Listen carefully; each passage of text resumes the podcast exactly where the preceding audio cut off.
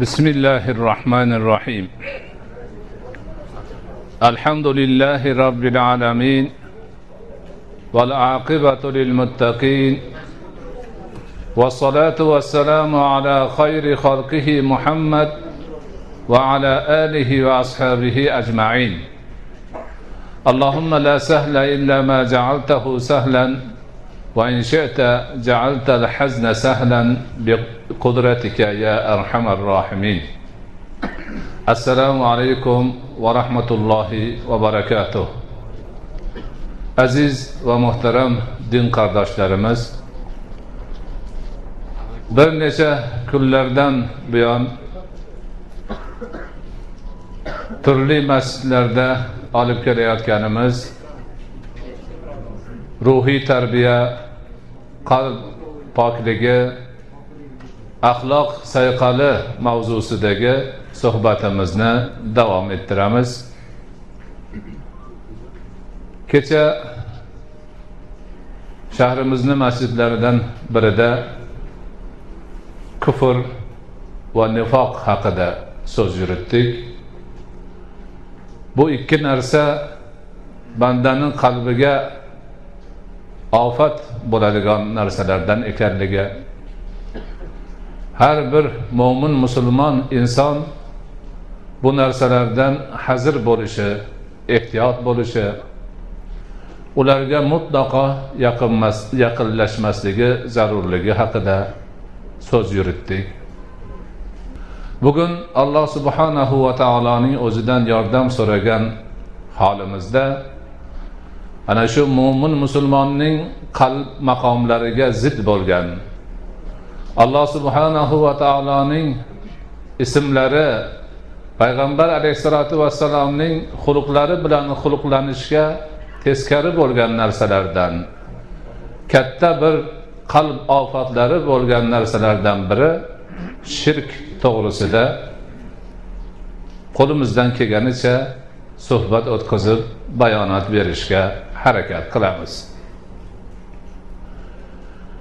Shirk so'zi arabcha so'z bo'lib bizda ham deyarli shunga yaqinroq sherik degan so'z ishlatiladi. Sherik degani bir narsaga ikkita da'vogar bo'lishi ikkita ega bo'lishi yoki bir nechta ega bo'lishini bildiradi. Misol uchun bir odam yolg'iz o'zi savdo qilayotgan bo'lsa keyin yoniga sherik chaqirsa ana shu yerda shirk sodir bo'ladi sheriklik sodir bo'ladi. Ikkovi qo'shilib bitta savdoni yuritayotgan bo'ladi. Endi shariat islohida ruhiy tarbiya ustozlari mashoyihlarini ta'rifida shirk degani olloh subhanahu va taologa undan boshqani sherik deb e'tiqod qilish yoki ana shunga bir amalni qilishni aytiladi. Alloh taologa sherik borligini e'tiqod qilish turlicha bo'ladi. Birinchi turini ulamolarimiz mustaqil deydi istiqlol. Ya'niki ollohni o'zining mustaqil sherigi bor. Buni ba'zi bir adabiyotlarda ikki xudolik ham deyiladi. Ikkita xudo bor deb e'tiqod qilishadi ikkovi mustaqil.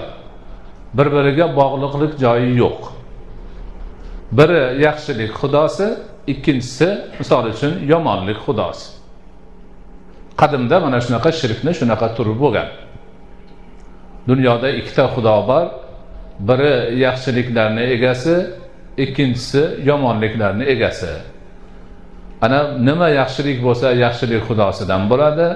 Nima yomonlik bo'lsa yomonlik xudosidan bo'ladi.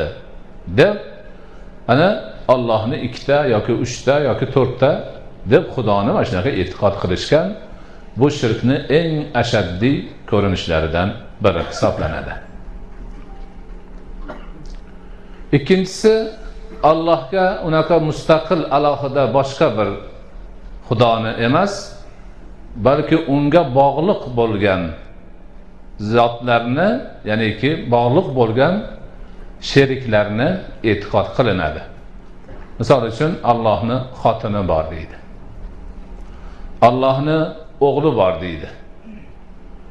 Mana arab mushriklari farishtalar allohning qizlari deyishar edi boshqa bir qavmlar iso alayhissalomni allohni o'g'li deydi yoki o'g'il xudo deyishadi. Bu ham nihoyatda og'ir shirklardan hisoblanadi. Qaysi bir qavm uzayr ibnulloh degan uzayr ollohning o'g'lidir degan e'tiqodni qiladi. Bularda demak allohga shirk keltirish katta xudoni yoniga xotin o'g'il yana qiz mana shunga o'xshagan narsalarni qo'shib qilingan buzuq nihoyatda demak yomon tarzdagi bir gunoh sifatidagi shirklar hisoblanadi. Shuningdek shirkni yana bir ko'rinishlaridan alloh taologa butu sanamlarni shirk keltirish. Buni ularni ollohga ya'niki katta xudoga yetkazuvchi vositalar deb e'tiqod qiladi.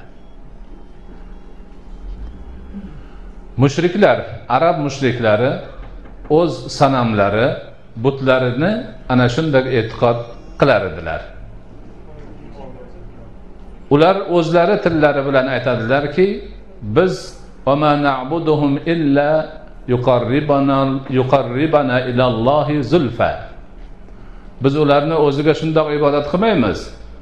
Biz ular bizni ollohga yaqinlashtirib qo'ysin deb vositachi qilib ibodat qilamiz deyishar edi. Ana shu sanam degani sanam degani. Yuzi odam shaklidagi bo'lgan haykal xudo. Shuni sanam deyiladi. But degani odam shaklida bo'lmasa ham qandaydir bir shakllarni qilib olgan shunga xudo deb topinishadi. Bunaqa shirkni kelib chiqishiga asosiy sabab insoniyat tarixidagi ahli solih kishilarni ulug'lashni noto'g'ri yo'lga qo'yishi orqali kelgan. Qur'onda bir necha sanamlarni butlarni nomi kelgan. Vad suva yag'uz yaud nasr degan. Mana shular deydi tafsirchilarimiz o'zi aslida o'z vaqtlarida ahli solih kishilar bo'lishgan. Ko'pchilikka e, taqvoda o'rnak bo'lishgan yaxshi ishlarni qilishda namuna bo'lgan hammalarni hurmatini qozongan kishilar bo'lishgan. Vaqti soati kelib ajali yetib haligi odamlar o'lgandan keyin kishilar bularni eslab turishimiz kerak. Bular tiriklik vaqtida hammamizga yaxshilik qilishgan edi.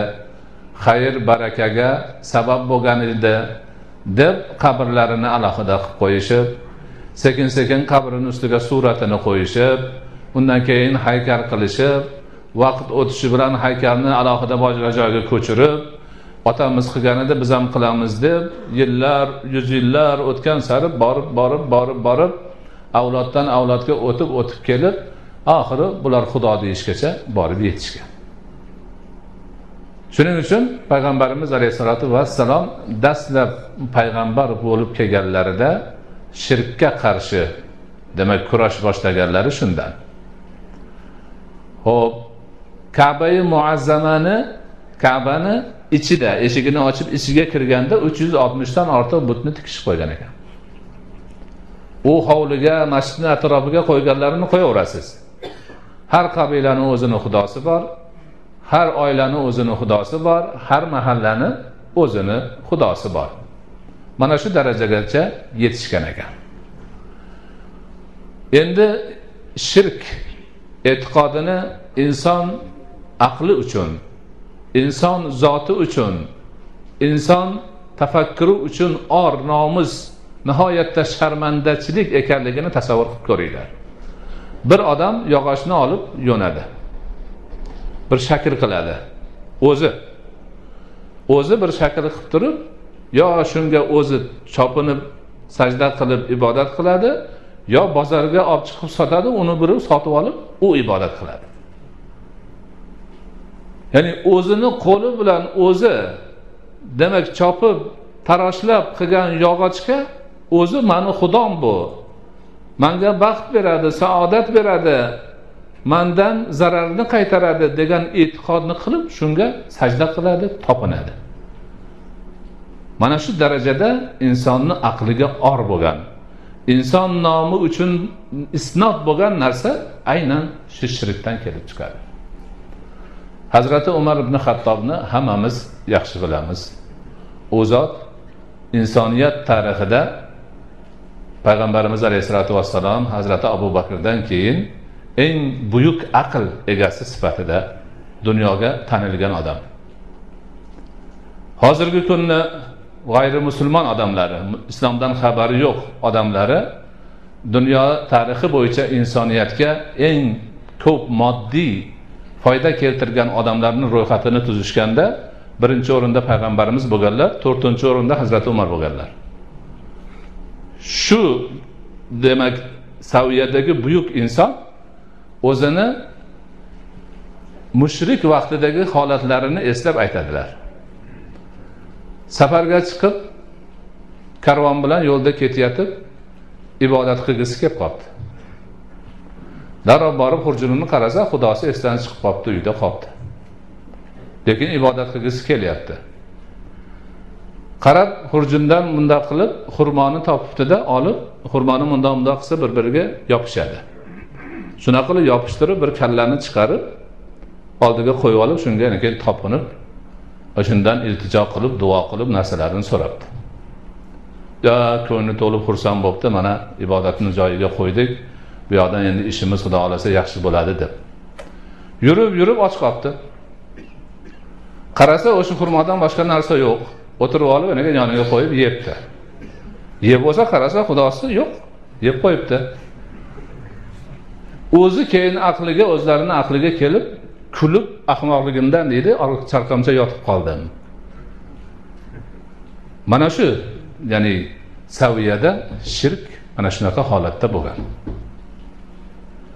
Shirk mana shunaqa holatda bo'lgan ana shunaqa butlar sanamlar to'la bo'lgan joyda payg'ambarimiz alayhissalotu vassalom tavhid aqidasini ollohning amri bo'yi tarqatganlar mana shunday buzuq e'tiqodlarni hammasini yo'qqa chiqarib yakka ollohga ibodat qilish faqat ollohni o'zigagina iymon keltirish hamma yaxshiligu yomonni hammasini alloh taoloning o'zidan deb bilish aqidasini kishilarni qalbiga joylashda harakatda bo'lganlar. Allohni yordami bilan bu narsa yuzaga chiqqan. Ana shu ma'noda qur'oni karim shirkka qarshi juda qattiq o't ochgan. Qur'oni karimda to'qson olti oyatda shirk to'g'risida ma'lumotlar kelgan. Shirkni yomonligi shirkni gunohi kechirilmasligi mushriklik eng pastkashlik ekanligi va shunga o'xshagan bir qancha ma'nolarni ifoda etuvchi to'qson oltita oyat qur'oni karimda aynan shirk masalasini muolaja qilgan bu katta adad hisoblanadi أعوذ بالله من الشيطان الرجيم بسم الله الرحمن الرحيم إن الله لا يغفر أن يشرك به ويغفر ما دون ذلك لمن يشاء deydi alloh taolo olloh o'ziga shirk keltirishini kechirmaydi Boshqasini kimga xohlasa kechiradi. Boshqa nima bo'lsa bor gunohlar ko'p. Bandalar qiladi. Ularni kechirishi mumkin lekin shirkni kechirmaydi. Innalloha la yaghfiru an yushraka bihi. O'ziga shirk keltirilishini mag'firat qilmaydi olloh undan pastroq bo'lsa alloh kimga xohlasa o'zi kechiradi. Umid qilsa bo'ladi. Lekin shirkdan yo'q. Mushrik holida o'lgan odamni joyi do'zax abadiy qoladi azobni eng qattig'iga duchor bo'ladi. Boshqa bir oyatda alloh taolo aytadi innamal mushrikuna najasun. Mushriklar najasdir. Bundan og'ir gap yo'q. Bundan og'ir gap yo'q. Va shunga o'xshagan oyatlar hammasi shirkni juda qattiq qoralaydi. Siz bilan biz mo'min musulmon bandalar ummati qur'on ummati muhammad alayhissalomni shirkni har qanday ko'rinishidan hazar qilishga chaqiradi. Bu narsada demak biz nihoyatda ehtiyot bo'lishimiz kerak. Qalbimizda shirkni hech qanday bir ko'rinishi bo'lmasligi uchun harakat qilishimiz kerak. Buning uchun shirk nima ha? Undan qanday qutulamiz bilishimiz kerak. Mana shu suhbat ana shu borasida boryapti. Buni ilm tarzida o'rganyapmiz. Inshaalloh duo qilib turasizlar kitoblari chiqadi undan o'rganamiz. Mana bu bizni qalbimizni poklash. Qalbimizda yagona ollohning o'zidan boshqaning muhabbati qolmasligi uchun qilayotgan harakatimizni bir bosqichi bo'ladi. Shirk ulamolarimizni taqsimlashlaricha ikkiga bo'linadi. Katta shirk kichik shirk. Kecha kufr va nifoqni gapirganimizda ham aytdik. Kufr ham katta kichik bo'ladi. Nifoq ham katta kichik bo'ladi. Kattasi aqida masalasiga bog'liq bo'lib unga duchor bo'lgan ha tamom ketdi. Nifoq ham shu. Kichik shirk amallarga bog'liq bo'lib u gunoyi kabira hisoblanadi. Undan tozalanish uchun mo'min musulmon odam o'z chorasini zudlik bilan ko'rishi kerak. Shirkda ham shunaqa. Shirkni ulamolarimiz aytadiki shirk bu alloh taoloning zotida ismida sifatida amallarida va hukmida boshqani sherik qilish deydi. Allohning zotida deganni aytib o'tdik. Allohni zoti yolg'iz emas ikkita desa shirk. Bolasi bor xotini bor desa shirk. Ha? Haligi yordamchisi bor kichkina xudochalar yetkazib turadigan desa u ham bo'lmaydi. Ana endi boshqa taraflardan ham biz juda ehtiyot bo'lishimiz kerak ekan. Hech bir narsani allohga shirk qilish tenglashtirish ma'nosi bizdan sodir bo'lmasligi kerak ekan. Alhamdulillah bizni buyuk baxtimiz islomga kirganimiz iymonda bo'lganimiz ummati muhammaddan bo'lganimiz buyuk baxtimiz bizda o'sha katta shirklar yo'q. Katta shirklar yo'q. Alloh ikkita demaymiz o'g'li bor qizi bor demaymiz xotini bor demaymiz a? Oraga butni qo'shmaymiz boshqa. Xudo bizni juda saqlagan. Nihoyatda saqlagan. Lekin kichik shirk ma'nosida yana ham daqiqroq aniqroq tushunchaga ega bo'lishimiz va o'zimizni ichimizda bo'ladigan bo'lsa bo'lish ehtimoli bor unga qarshi kurashib yo'q qilish paydan bo'lishimiz kerak. Ana shu ma'noda ana shu ma'noda ba'zi bir tushunmovchiliklar bor bizda ham. Misol uchun alloh subhanahu va taolodan o'zgadan yordam so'rash ma'nosi.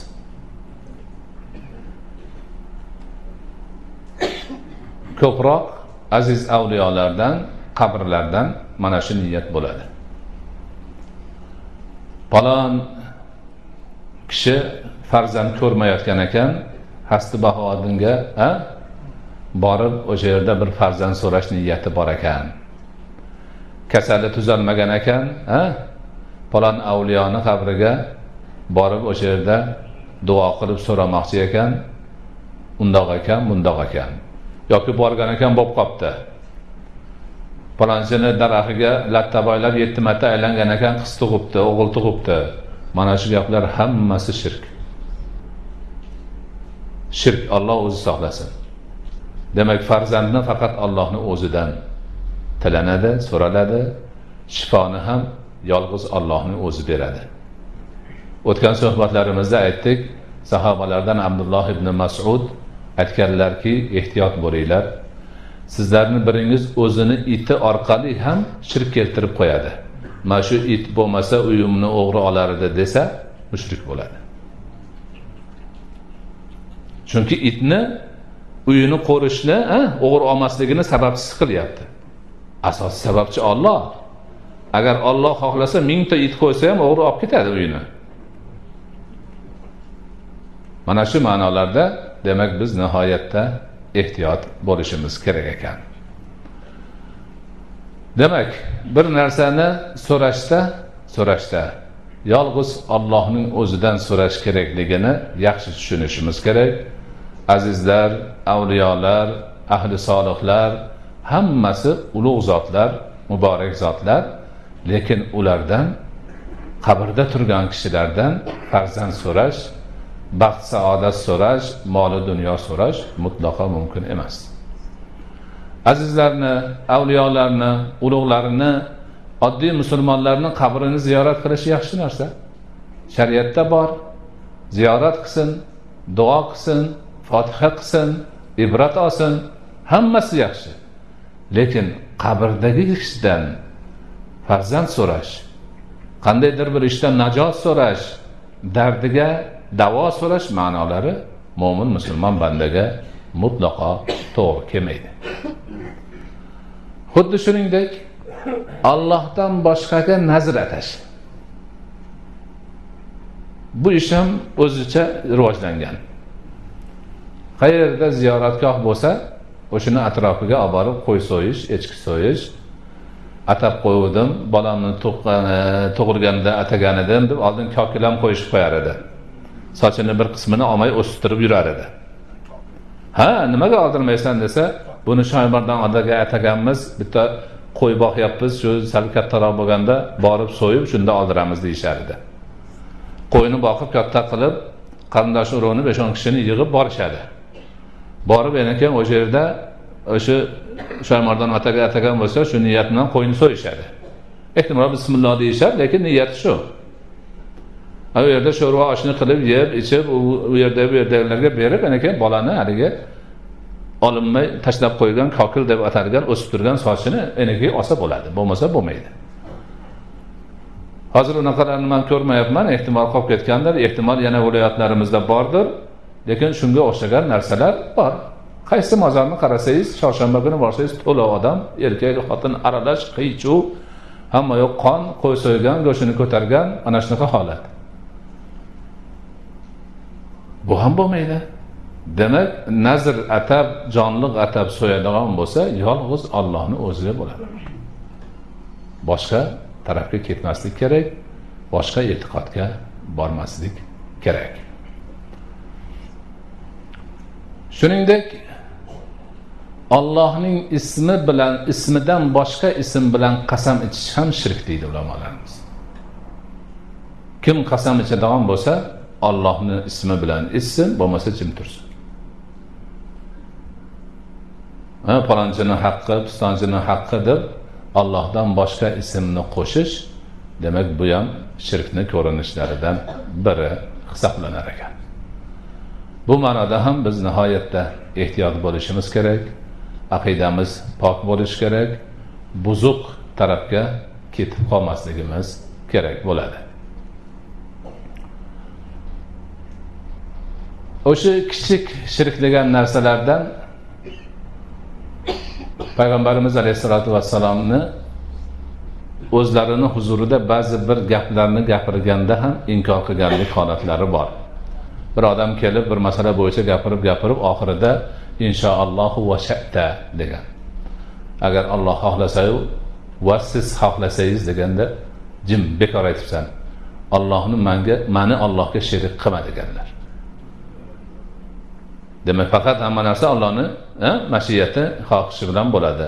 Payg'ambar alayhissalotu vassalomni allohga atf qilmaslik kerak. Keyingi boshqa bir hadisda to'g'rilab aytdilarki inshaallohu summa sheta olloh xohlasa keyin siz. Keyin ollohdan keyin bo'lsa mayli. Mana shunaqa taraflardan ham juda ehtiyot bo'lishimiz kerak bo'ladi. Ho'p ba'zi bir paytlarda shu hadislarda kelgan shirk lafzi turli gunohlarga ishlatilgan. Misol uchun kim folbinga borib uni aytganiga ishonsa shirk keltiribdi. Yoki falon narsani qilsa mushrik bo'libdi degan. Ayniqsa riyo bobida juda ko'p e, shirk so'zi ishlatiladi. Bularni kichkina narsalarni kichkina shunga o'xshagan narsalarni dindan chiqarib yuboradigan shirk emas bular.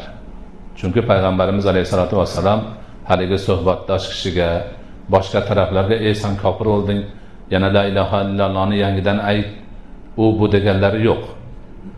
Qattiq gapirib xatosini tushuntirib to'g'irlab qo'yganlar xolos.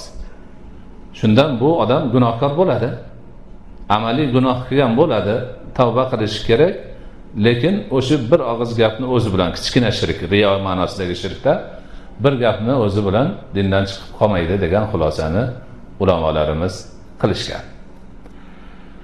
Mana ko'rib turibmizki hayotimiz davomida hayotimiz davomida muomala davomida boshqa taraflarda nihoyatda ehtiyot bo'lib harakat qilishimiz kerak ekan. Aqidamiz shirk tomonga zarracha ham burilmasligi lozim ekan. Bu buyuk bir dard hisoblanadi. Mo'min musulmon insonning qalbida undan zarracha ham bo'lishi kerak emas. Mabodo ba'zi bir ko'rinishlari bo'lib qolsa allohni zikri bilan uni yo'qotish o'sha narsa to'g'risidagi aqidani to'g'rilash gap so'zni to'g'rilash xatti harakatni to'g'rilash lozim bo'ladi. Allohni zikri ibodat aqida yaxshi demak ta'limotlarni har kuni o'rganib doimo sof aqida bilan turishda inshaalloh shirk va uni ko'rinishlariga demak qarshi kurash bo'ladi. Banda mo'min banda ulardan xalos bo'lib yaxshi bir holatda inshaalloh hayot kechirib boradi. Alloh subhanahu va taolo barchalarimizni shirkni barcha qismlariyu turlari kattasiyu kichigi amaliysiyu e'tiqodi hamma hammasidan o'zi asrasin. Shirkka hech qachon bizlarni yo'liqtirmasin. Ba'zi bir xatolarimiz bo'lsa o'zi mana shu ulug' kunlarni sharofatidan mag'firat aylab unaqa xatolarni takrorlamasligimizni nasibi ro'zi qilgan bo'lsin.